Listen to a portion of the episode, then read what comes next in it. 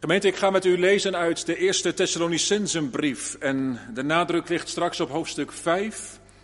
Maar om toch het grote verband ook van deze brief wat in de gaten te hebben, wil ik u graag eerst voorlezen vers 9 en 10 van hoofdstuk 1. Dus de eerste Thessalonicensenbrief, hoofdstuk 1, vers 9 en 10. En in dat eerste hoofdstuk schetst de apostel Paulus zijn dankbaarheid voor dat wat hij gehoord heeft over de Thessalonicensen, over de gemeente van, van, van Thessalonica. En, en dat beschrijft hij ook in vers 9 en 10 van hoofdstuk 1. Het woord van God klinkt daar als volgt. Want zij, dat zijn dus mensen die iets verteld hebben over de gemeente van Thessalonica. Zij vermelden zelf over ons hoezeer wij ingang bij u gekregen hebben en hoe u zich van de afgoden tot God bekeerd hebt om de levende en waarachtige God te dienen en zijn zoon uit de hemelen te verwachten, die hij uit de doden heeft opgewekt, namelijk Jezus, die ons verlost van de komende toorn. Ik lees met u verder in hoofdstuk 4, vers 13. 4, vers 13 tot en met 5, vers 11. Maar ik wil niet, broeders, zusters, dat u onwetend bent ten aanzien van hen die ontslapen zijn, opdat u niet bedroefd bent zoals de anderen die geen hoop hebben. Want als wij geloven dat Jezus gestorven en opgestaan is, zal ook God op dezelfde wijze hen die in Jezus ontslapen zijn, terugbrengen met Hem.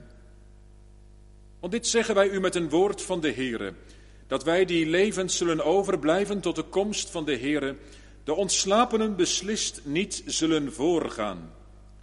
Want de Heere zelf zal met een geroep met de stem van een aartsengel en met een bazuin van God neerdalen uit de hemel. En de doden die in Christus zijn, zullen eerst opstaan. Daarna zullen wij die levend overgebleven zijn, samen met hen opgenomen worden in de wolken naar een ontmoeting met de Heere in de lucht. En zo zullen wij altijd bij de Heere zijn. Zo dan troost elkaar met deze woorden. Maar wat de tijden en de gelegenheden betreft, broeders, is het voor u niet nodig dat men u schrijft. Want u weet zelf heel goed dat de dag van de Heere komt als een dief in de nacht. Want als ze zullen zeggen er is vrede en veiligheid, dan zal een onverwacht verderven overkomen zoals de barens weeën een zwangere vrouw. En ze zullen het beslist niet ontvluchten. Maar u, broeders, u bent niet in duisternis, dat die dag u als een dief zou overvallen. U bent allen kinderen van het licht en kinderen van de dag. Wij zijn niet van de nacht en ook niet van de duisternis. Laten wij dan niet zoals de anderen slapen, maar laten wij waakzaam en nuchter zijn. Want zij die slapen, slapen s'nachts. Zij die dronken zijn, zijn s'nachts dronken, maar laten wij die van de dag zijn, nuchter zijn, bekleed met het borstharnas van geloof en liefde en met de hoop op de zaligheid als helm.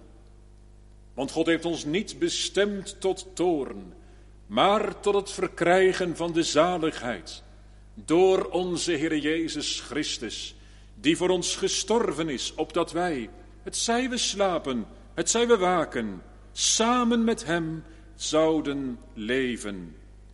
Bemoedig elkaar daarom en bouw de een de ander op, zoals u trouwens al doet. Gemeente, ik mag u het woord van God bedienen vanmiddag vanuit het gedeelte dat wij hebben gelezen, 1 Thessalonicensen 5. De kernwoorden voor vanmiddag, vers 9 en vers 10. Deze woorden. Want God heeft ons niet bestemd tot toorn, maar tot het verkrijgen van de zaligheid door onze Heere Jezus Christus, die voor ons gestorven is, opdat wij, het zij we waken, het zij we slapen, samen met Hem zouden leven. Hoopvol leven bij de dag Gemeente leven bij de dag. Als dat ooit dichtbij kwam voor ons allemaal, dan was het wel in de begindagen, weken misschien van, van wat we nu de coronacrisis noemen. Het gebeurde in de kerk, ongetwijfeld ook bij uw kerkraad. En misschien ook wel bij u in bedrijf en, en bij jou op school zeker ook. Dat er al heel snel met elkaar overlegd werd, hoe gaan we het doen? Maar de volgende dag werd je alweer ingehaald door de feiten. En moest je weer overleggen en weer je plannen bijstellen. Actualiseren. Kort gezegd, we werden allemaal gedwongen om te leven bij de dag. En, en dat was voor velen van ons, laten we maar eerlijk zijn, toch een beetje nieuw. Want, want we hadden het toch aardig in kannen en kruiken. Hoe we de dingen zouden doen en, en wat normaal was en is. Jongens, meiden, terwijl, heb je dat wel eens bedacht? Terwijl heel veel van jouw leeftijdsgenootjes op deze wereld helemaal niet zo zeker zijn van de dingen die gebeuren. Eigenlijk nooit. Die altijd al bij zichzelf morgens afvragen: zou er vanavond ook weer te eten zijn? En van wie de vader en moeder misschien op het land werken en, en elk jaar weer, weer, weer zich afvragen: zou er genoeg regen komen? En, en zouden we volgende winter ook weer genoeg hebben? Leven bij de dag. Je weet niet wat morgen brengen zal. Je weet niet eens of je morgen nog beleven zult. Gemeente, in, in zekere zin heeft de Heer Jezus ons daartoe opgeroepen. Om, om te leven bij de dag. Weet u wel, die woorden van Jezus. Maak je geen zorgen voor de dag van morgen want elke dag zal voor het zijne zorgen. En nee, de Heer Jezus leerde ons niet bidden om brood voor morgen. Hij leerde ons bidden, geef ons heden, vandaag, ons dagelijks brood. Leven bij de dag. Ja, maar, maar dan wel zo dat je als christen tegelijk leeft bij, bij de grote dag. Ik bedoel bij de grote dag van Jezus' wederkomst. Leven bij de dag, dat betekent dat je vandaag de vraag stelt: wat betekent het als Jezus straks komt? Wat betekent dat voor mijn leven vandaag? Wat doet er nou echt toe in mijn leven? Weet u, bij mezelf merk ik een groot gevaar en, ik weet eigenlijk wel zeker dat u het herkent en jij ook. Dat we steeds maar weer zijn gericht op hoe we het straks gaan doen. In de afkondiging net was het zelfs zo en, en ik denk er ook over na hoor. Hoe gaan we dat doen na 1 juni en, en hoe gaan we het doen na 1 juli? En, ja. Maar als je niet oppast, vergeet je om, om jezelf de vraag te stellen: waartoe God je op dit moment roept. Vandaag en, en morgen als morgen komt. En als ik de brief aan de Thessalonicensen tot me door laat dringen, vooral het gelezen gedeelte, dan, dan dringt de Heilige Geest ons om, om elke dag te laten stempelen door, door die grote dag. Gemeente de apostel Paulus noemt zijn lezers kinderen van het licht, vers 5 en kinderen van de dag. En in vers 8 nog een keertje. Wij die van de dag zijn. En dan gaat het dus over die grote dag. De dag van de wederkomst. Meten mag ik dat meteen maar vragen aan u, aan, aan jou. Ben jij iemand van, van de dag? Dan ben je ook iemand van de weg. Wist je dat? Dat in handelingen, dat daar christenen mensen van de weg worden genoemd. Nee, niet van die of van die weg, van de weg. En dan gaat het over Jezus, die de weg, de waarheid en het leven is. Christenen zijn mensen van de weg, zegt Handelingen. Mensen van Jezus. Mensen die de weg bewandelen door het geloof.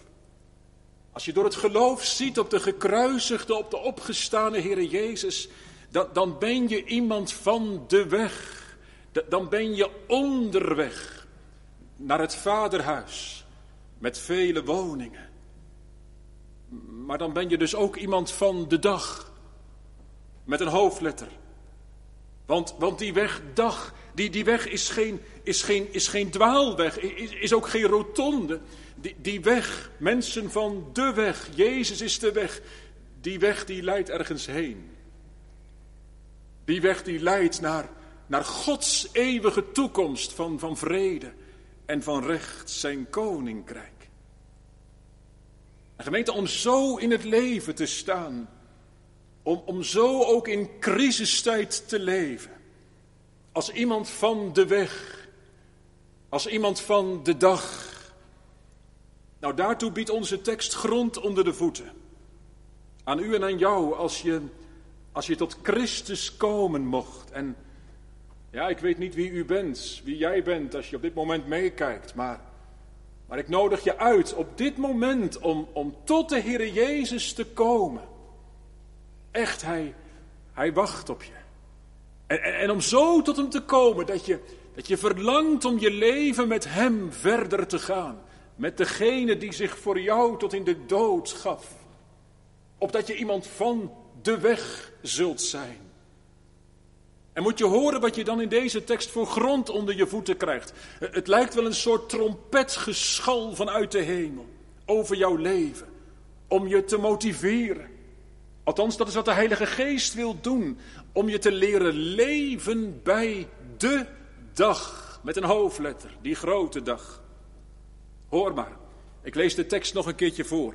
1 Thessalonicenzen 5, vers 9 en 10. En, en dan zet ik ervoor het thema voor de preek. Hoopvol leven bij de dag. Want, want God heeft ons niet bestemd tot toren, maar tot het verkrijgen van de zaligheid. Door onze Heer Jezus Christus, die voor ons gestorven is, opdat wij, het zij we waken, het zij we slapen, samen met Hem zouden leven. Onze tekst begint met het woordje want. Dus die roep om bij de grote dag te leven. Nee, die is niet zomaar een losse flodder om, om wat perspectief te geven. Ik dacht zo gemeente, ja, dat, uh, dat herkent u ook. Veel mensen verlangen vandaag naar een beetje perspectief, toch? En we staan er niet boven hoor, ook wij zaten allemaal te kijken, toch, van de week. Wat, wat zou die zeggen? En komt er wat ruimte? En dat heb je nodig als mens, toch? Dat je een beetje uitzicht krijgt op wat versoepeling. En als je geen zicht hebt op herstel, je zou er moedeloos van worden, toch? Nou, gemeente, het christelijk geloof biedt, biedt niet zomaar een sprankje hoop. Zo van, ja, maar als de situatie anders wordt, dan kan het toch weer anders worden. Nee, nee. Nee, het woord van God biedt ons echt houvast. Echt een fundament, een grond onder de voeten voor vaste en zekere hoop. Let wel, voor ieder die van de weg is. Ieder die door genade van Christus is. Dat moet dus wel uw grootste zorg zijn, hè? Jongeren van jou ook. Dat je weten mag met heel je hart. Dat je het eigendom bent van de Heer Jezus Christus. Dat Hij je kocht met zijn bloed. Dat je reizend bent naar die stad waar Christus het licht zal zijn. Vanuit hoofdstuk 1 blijkt dat dat ook de werkelijkheid was voor de gemeente van Thessalonica, waar, waar Paulus naartoe schrijft. Paulus schrijft, we hebben dat samen gelezen, dat ze, zich, dat ze zich afgekeerd hebben, bekeerd hebben van de afgoden, van dat waarop ze ergens toch vertrouwden om de levende en waarachtige God te dienen en zijn zoon uit de hemelen te verwachten. Hoofdstuk 1, vers 9 en 10. Moet u even goed horen, gemeente, die, die Thessalonicensen, die, die hebben zich afgekeerd van hun afgoden. Doet u dat ook op dit moment? Ook bij alles wat er u gebeurt. Dat je merkt in je eigen leven ook. Ik heb ergens toch zoveel houvast gezocht in. Ach, ook in al die goede dingen en zo. En je hoeft goede dingen niet zomaar weg te doen, maar, maar dat je wel leert steeds meer niet daarop te bouwen, maar hoe staat het van de Thessalonicensen? De enige en waarachtige God te dienen en zijn zoon uit de hemel te verwachten. Dat laatste vooral, dat is dus kenmerkend voor die Thessalonicensen. Ze verwachten de zoon van God vanuit de hemel, die alles overwonnen heeft, zo geloven ze. Sterker nog, er staat bij hoofdstuk 1, vers 10, Jezus die ons verlost van de komende toren. Nou, dan hoef je de dag van de wederkomst niet angstig tegemoet te zien. Oh nee, juist verwachtingsvol. Want degene die komt, dat is, dat is je redder, je zaligmaker. En kijk, in onze tekst wordt dat verder ontvouwd. Want, zo begint het. En, en dan volgt de reden om een kind van de dag te zijn. Want God heeft ons niet bestemd tot toorn, maar tot het verkrijgen van de zaligheid. Dat is het eerste. God heeft ons bestemd. Ons, zo staat er. Maar dat zijn de geadresseerden van die brief en de afzender van die brief. Maar de Heilige Geest heeft gewild dat deze brief in de Bijbel staat, ook in 2020. En zo wordt ook de gemeente van de Maranatha-kerk erbij getrokken. God heeft ons niet bestemd tot toorn. Paulus spreekt ons aan als kinderen van de dag, hoofdstuk 5, vers 5. God heeft ons bestemd tot het verkrijgen van de zaligheid.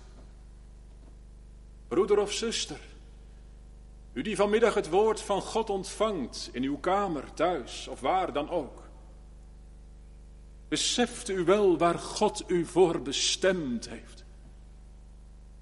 Beseft u wel dat u ook vanmiddag voorwerp bent van, van de opzoekende liefde van God? Jongeren, besef jij wat, wat God met je voor heeft? Waartoe Hij je bestemd heeft? Deze tekst zegt niet tot toorn. Bedoeld wordt de toorn van God. Ja, die toren van God, die, die boosheid van God, die is werkelijkheid. Die hebben wij over ons heen afgeroepen, al op het moment daar in het paradijs, toen het helemaal misging. En wij kozen om, om meer op onszelf te vertrouwen dan op, op onze schepper, de goede God. Maar God heeft ons niet bestemd tot toren. Oh nee, hij heeft je geschapen om te leven, om eeuwig te leven. daarom gaf hij zijn zoon. Gods gemeente, daar, daar spreekt ook de Heer Jezus over, heel indringend in hoofdstuk 3 van Johannes. Daar zegt de Heer Jezus, wie in de zoon gelooft, die heeft het eeuwige leven. Maar wie de zoon van God ongehoorzaam is, zal het leven niet zien, maar de toren van God blijft op hem. En als Gods toren op je blijft, dan betekent dat de eeuwige ondergang. Dan betekent dat eeuwig verloren gaan. Maar daar heeft God u en jou niet toe bestemd. Oh nee. Hij heeft zijn zoon gegeven. Al zo lief had God de wereld, opdat ieder die in Hem gelooft niet verloren gaat, maar het eeuwige leven heeft. Weet je, dat is de verkondiging van het evangelie. En, en dat is wat die gemeente van Thessalonica heeft omhelst. Hoe stond het in hoofdstuk 1, vers 10? Het ging over Jezus die ons verlost van de komende toren. En je hebt deel aan die verlossing, hoofdstuk 1, vers 9. Wanneer je je afkeert van de afgoden. Ook vandaag weer. Om de levende en waarachtige God te dienen. En zijn zoon uit de hemel te verwachten. Jezus die ons verlost van de komende toren. Kijk wat onze tekst dan verkondigt. God heeft ons niet bestemd tot toren. Oh nee. God vindt geen vreugde in de dood van een zondaar, maar daarin dat hij zich bekeert en leeft. En gemeente, wat nou alle nadruk heeft hier in onze tekst, is dat het helemaal bij, bij God vandaan komt. U wordt niet teruggeworpen op iets van uzelf, zo van, um, ja, nou is het crisis en zo, en, maar jij hebt toch wel dat meegemaakt en je hebt toch een keer dat gedaan en, en, en dat is toch ook een keer gebeurd in je leven? Gemeente, nee, nee. Nee, vandaag ook in de crisis van 2020, een, landelijke crisis, een wereldwijde crisis en ja, ook de crisis van je persoonlijke leven. Ik weet niet wat voor jou de diepste crisis is, ook op dit moment. Voor u. Maar als er zoveel is wat je aanklaagt, waar misschien voortdurend die stem door je hoofd gaat, je hebt het verbruid bij God. Als je niet weet hoe het verder moet, gemeente. Vandaag kunt u volharden, wanneer u dit woord vanuit de hemel gelovig omhelst. Als je ziet op wat God deed en doet, wat hij voor ogen heeft. God heeft ons niet bestemd tot toorn. Omdat u dat geloven mocht, heel persoonlijk, voor uzelf. Heb geen harde gedachten van God, maar leer hem geloven op zijn woord. Jongeren, wie jij ook bent, daar praat je niet zo makkelijk over natuurlijk. Maar als er dingen in je leven zijn die jou te neerdrukken, wil je bedenken dat je niet zomaar op aarde bent. En het hangt niet af van wat jij ervan bakt hier op deze aarde. Echt niet. Laat je niet ontmoedigen. Laat dit diep in je hart dalen. God heeft je niet bestemd tot toorn. Waartoe dan wel? Wat heeft God dan wel met je voor? Nou hoor, tot het verkrijgen van de zaligheid. Dat is wat God met ons voor heeft. God heeft ons opgezocht in onze verlorenheid, echt hoor. En, en hij doet het vanmiddag opnieuw, zeker. Is dat geen bewijs van zijn tomeloze geduld? Hij heeft ons opgezocht in dat kruis van Golgotha. En, en, daar, en, en trouwens ook vanmiddag opnieuw hoor, daar, daar laat hij zich vinden. Als je neerknielt, zo verloren als je bent bij, bij de gekruisigde Heere Jezus. Hij laat het verkondigen, ik heb je niet bestemd tot toorn, maar tot de zaligheid. En dat woord zaligheid, gemeente, dat is, dat is een heel omvattend woord.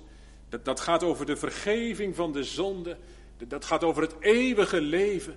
Dat gaat over de volkomen shalom, de volkomen gelukzaligheid wat God bereid heeft voor allen die Hem lief hebben.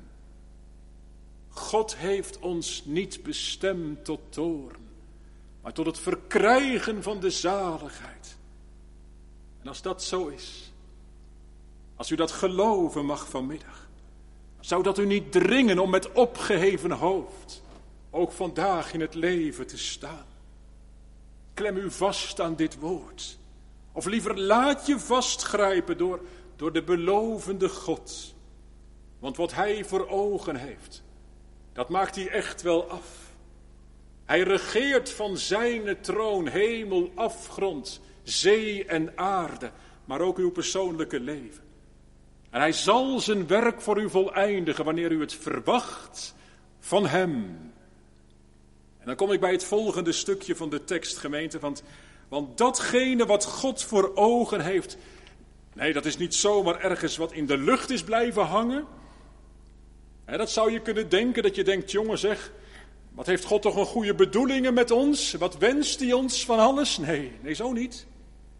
Nee, wat God ons laat verkondigen, dat, dat is gefundeerd. Dat is geborgd in de Heer Jezus Christus. Hoe staat het er? Hij heeft ons bestemd tot het verkrijgen van de zaligheid. Dat is een, dat is een heel krachtige uitdrukking. Het verkrijgen, het, het in bezit krijgen van de zaligheid. Dat je er helemaal mee verbonden raakt, alles wat hij verdiend heeft. En zo krachtig kan het ook, gemeente, want, want er is betaald. Er is voldaan. Hoe staat het er? Door onze Heere Jezus Christus, die voor ons gestorven is. Dus datgene waar God ons toe bestemd heeft, dat is geborgd en gefundeerd in het werk van Jezus Christus. Vooral zijn verzoenende sterven. Onze Heere Jezus Christus, zegt Paulus. Ja, dat is de beleidenis van het geloof. Onze Heere Jezus Christus. Het geloof mag zeggen en zingen. Hij is van ons en, en wij zijn van Hem. Onze Heere Jezus Christus. Wat staat er? Die voor ons gestorven is. Gestorven.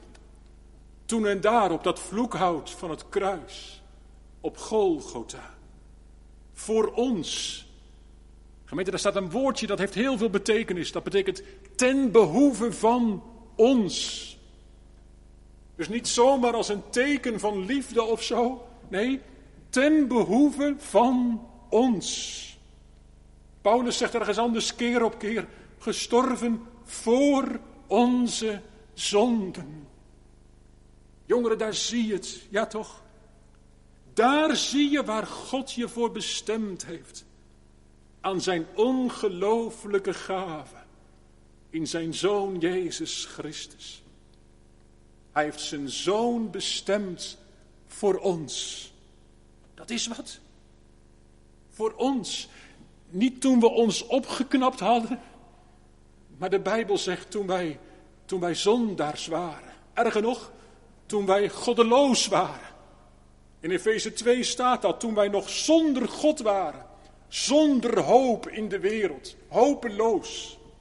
Maar God, God heeft zijn zoon bestemd voor ons. En zo zo heeft hij ons bestemd voor zijn zoon. Gemeente, dat is het. Hij heeft zijn zoon bestemd voor ons.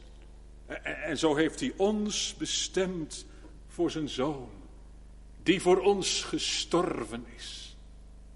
Voor ons, voor onze zonde. Hij is om onze overtredingen verwond, om onze ongerechtigheden verbrijzeld. En de straf die, die ons de vrede aanbrengt, die, die was op hem, die straf. En door zijn striemen is voor ons genezing gekomen. Al zo lief had God de wereld. God heeft ons niet bestemd tot toorn, maar tot het verkrijgen van de zaligheid. Door onze Heer Jezus Christus, die voor ons gestorven is. Kom gemeente, gelooft u dat? Of liever, gelooft u Hem? Hem. Het is Goede Vrijdag geweest. Het is Pasen geworden.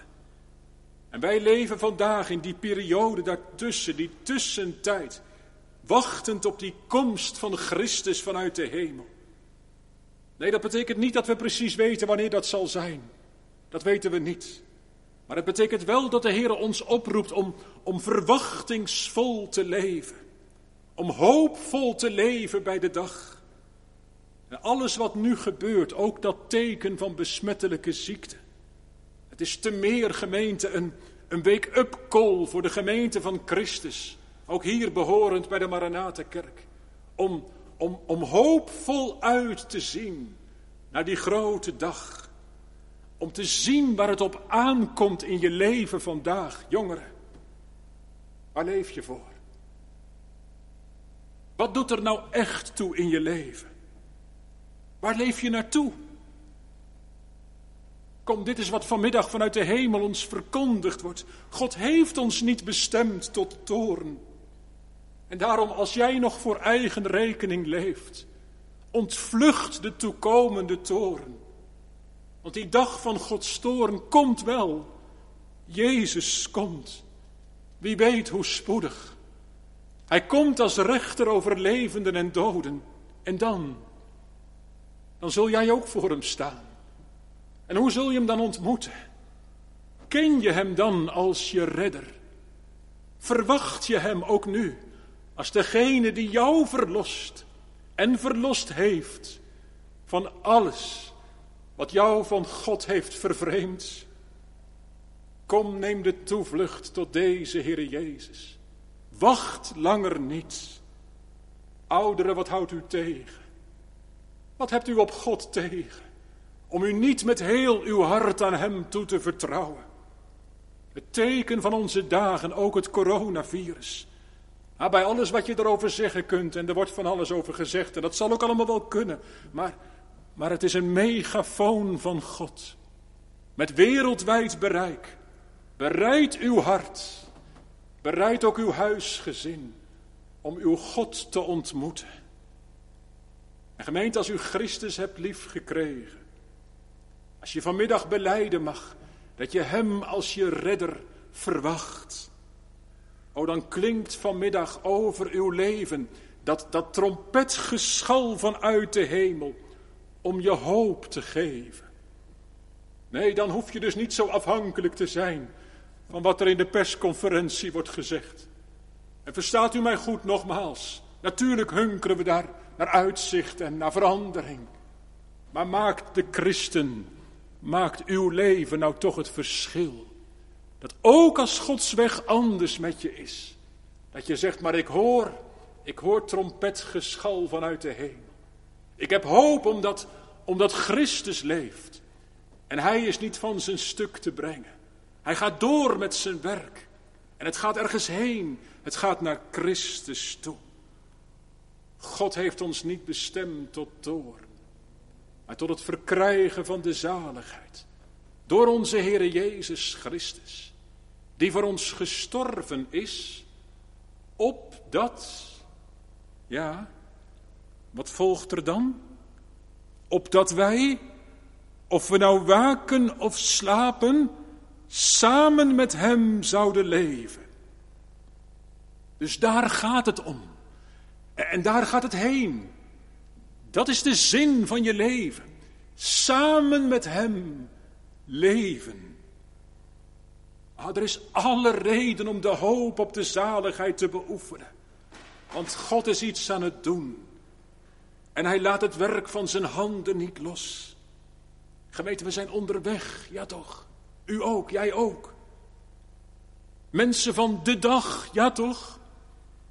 Laat het zo zijn. En nee, die weg daar naartoe is geen glijbaan. Het is strukkelen, het is, het is struikelen. En ook vandaag, gemeente, in alle gebrokenheid. Vandaag schreeuwt het omhoog, misschien ook wel vanuit uw hart. De schepping zucht en, en wij zuchten mee.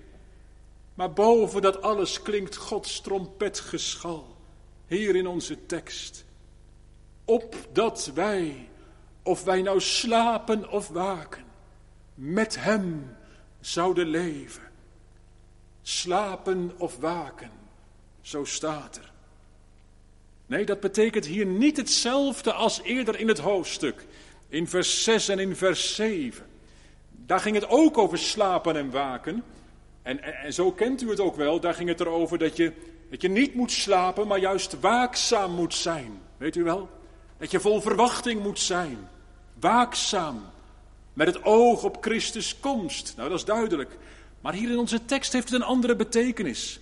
Paulus schrijft, of wij nu slapen of waken. En dat sluit aan bij het slot van hoofdstuk 4. Weet u, het gaat erover of je nou slaapt of waakt als Jezus komt. Namelijk, of je nou gestorven bent, de doodslaap slaapt, of dat je nog in leven bent, nog wakker. Uiteindelijk, zegt Paulus, uiteindelijk maakt het niet uit. Uiteindelijk maakt dat niet uit als Jezus komt, want God zelf staat ervoor in dat je met Christus leeft. Gemeente, dat we daar meer bij zouden leven. Een kind van God heeft de dood al achter de rug. Want wie in Christus gelooft is een nieuwe schepping, ja echt. Het eeuwige leven begint niet bij je sterven, maar het begint als je Christus lief krijgt. met heel je hart. Daarom is het dat Paulus enthousiast begint te zingen aan het slot van Romeinen 8. Ja, soms tegen alle gebrokenheid in. Maar Paulus zingt daar niets, ook geen dood en ook geen leven. Niets zal mij kunnen scheiden van de liefde van God in Christus Jezus, onze Heer. O gemeente, hier gaat het heen. Dit is wat God voor ogen heeft. Hier ligt het grote doel. Samen met Hem leven. Meisjes, jongens, fijn dat je nog kijkt. Hé, hey, als ik nou aan jou vraag, hè, wat, is, um, wat is het mooiste van de hemel? Wat zou je dan zeggen?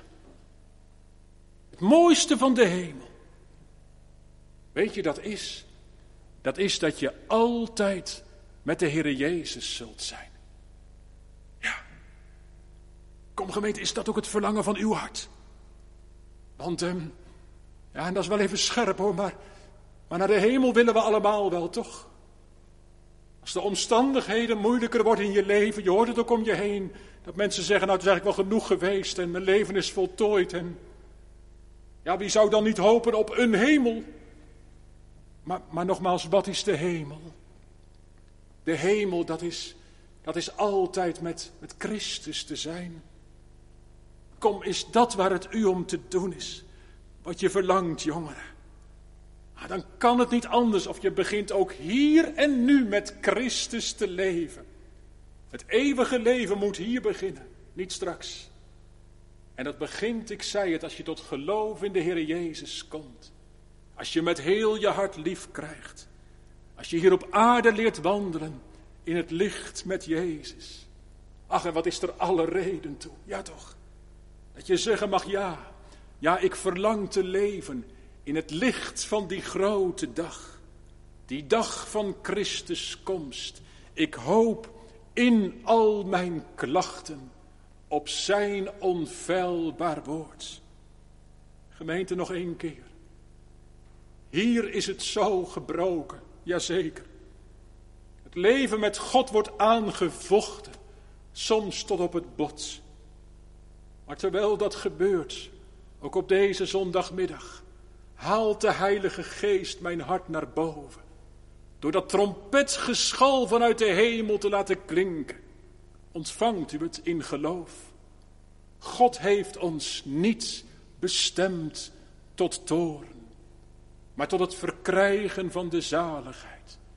Door onze Heer Jezus Christus, die voor ons gestorven is, opdat wij, of we nu waken of slapen, samen met Hem zouden leven. Kom gemeente, bemoedig elkaar. Ja, dat zegt Paulus hier en ik zeg het hem na. Bemoedig elkaar en bouw de een de ander op, zoals u ook doet. Totdat, totdat hij komt. Amen.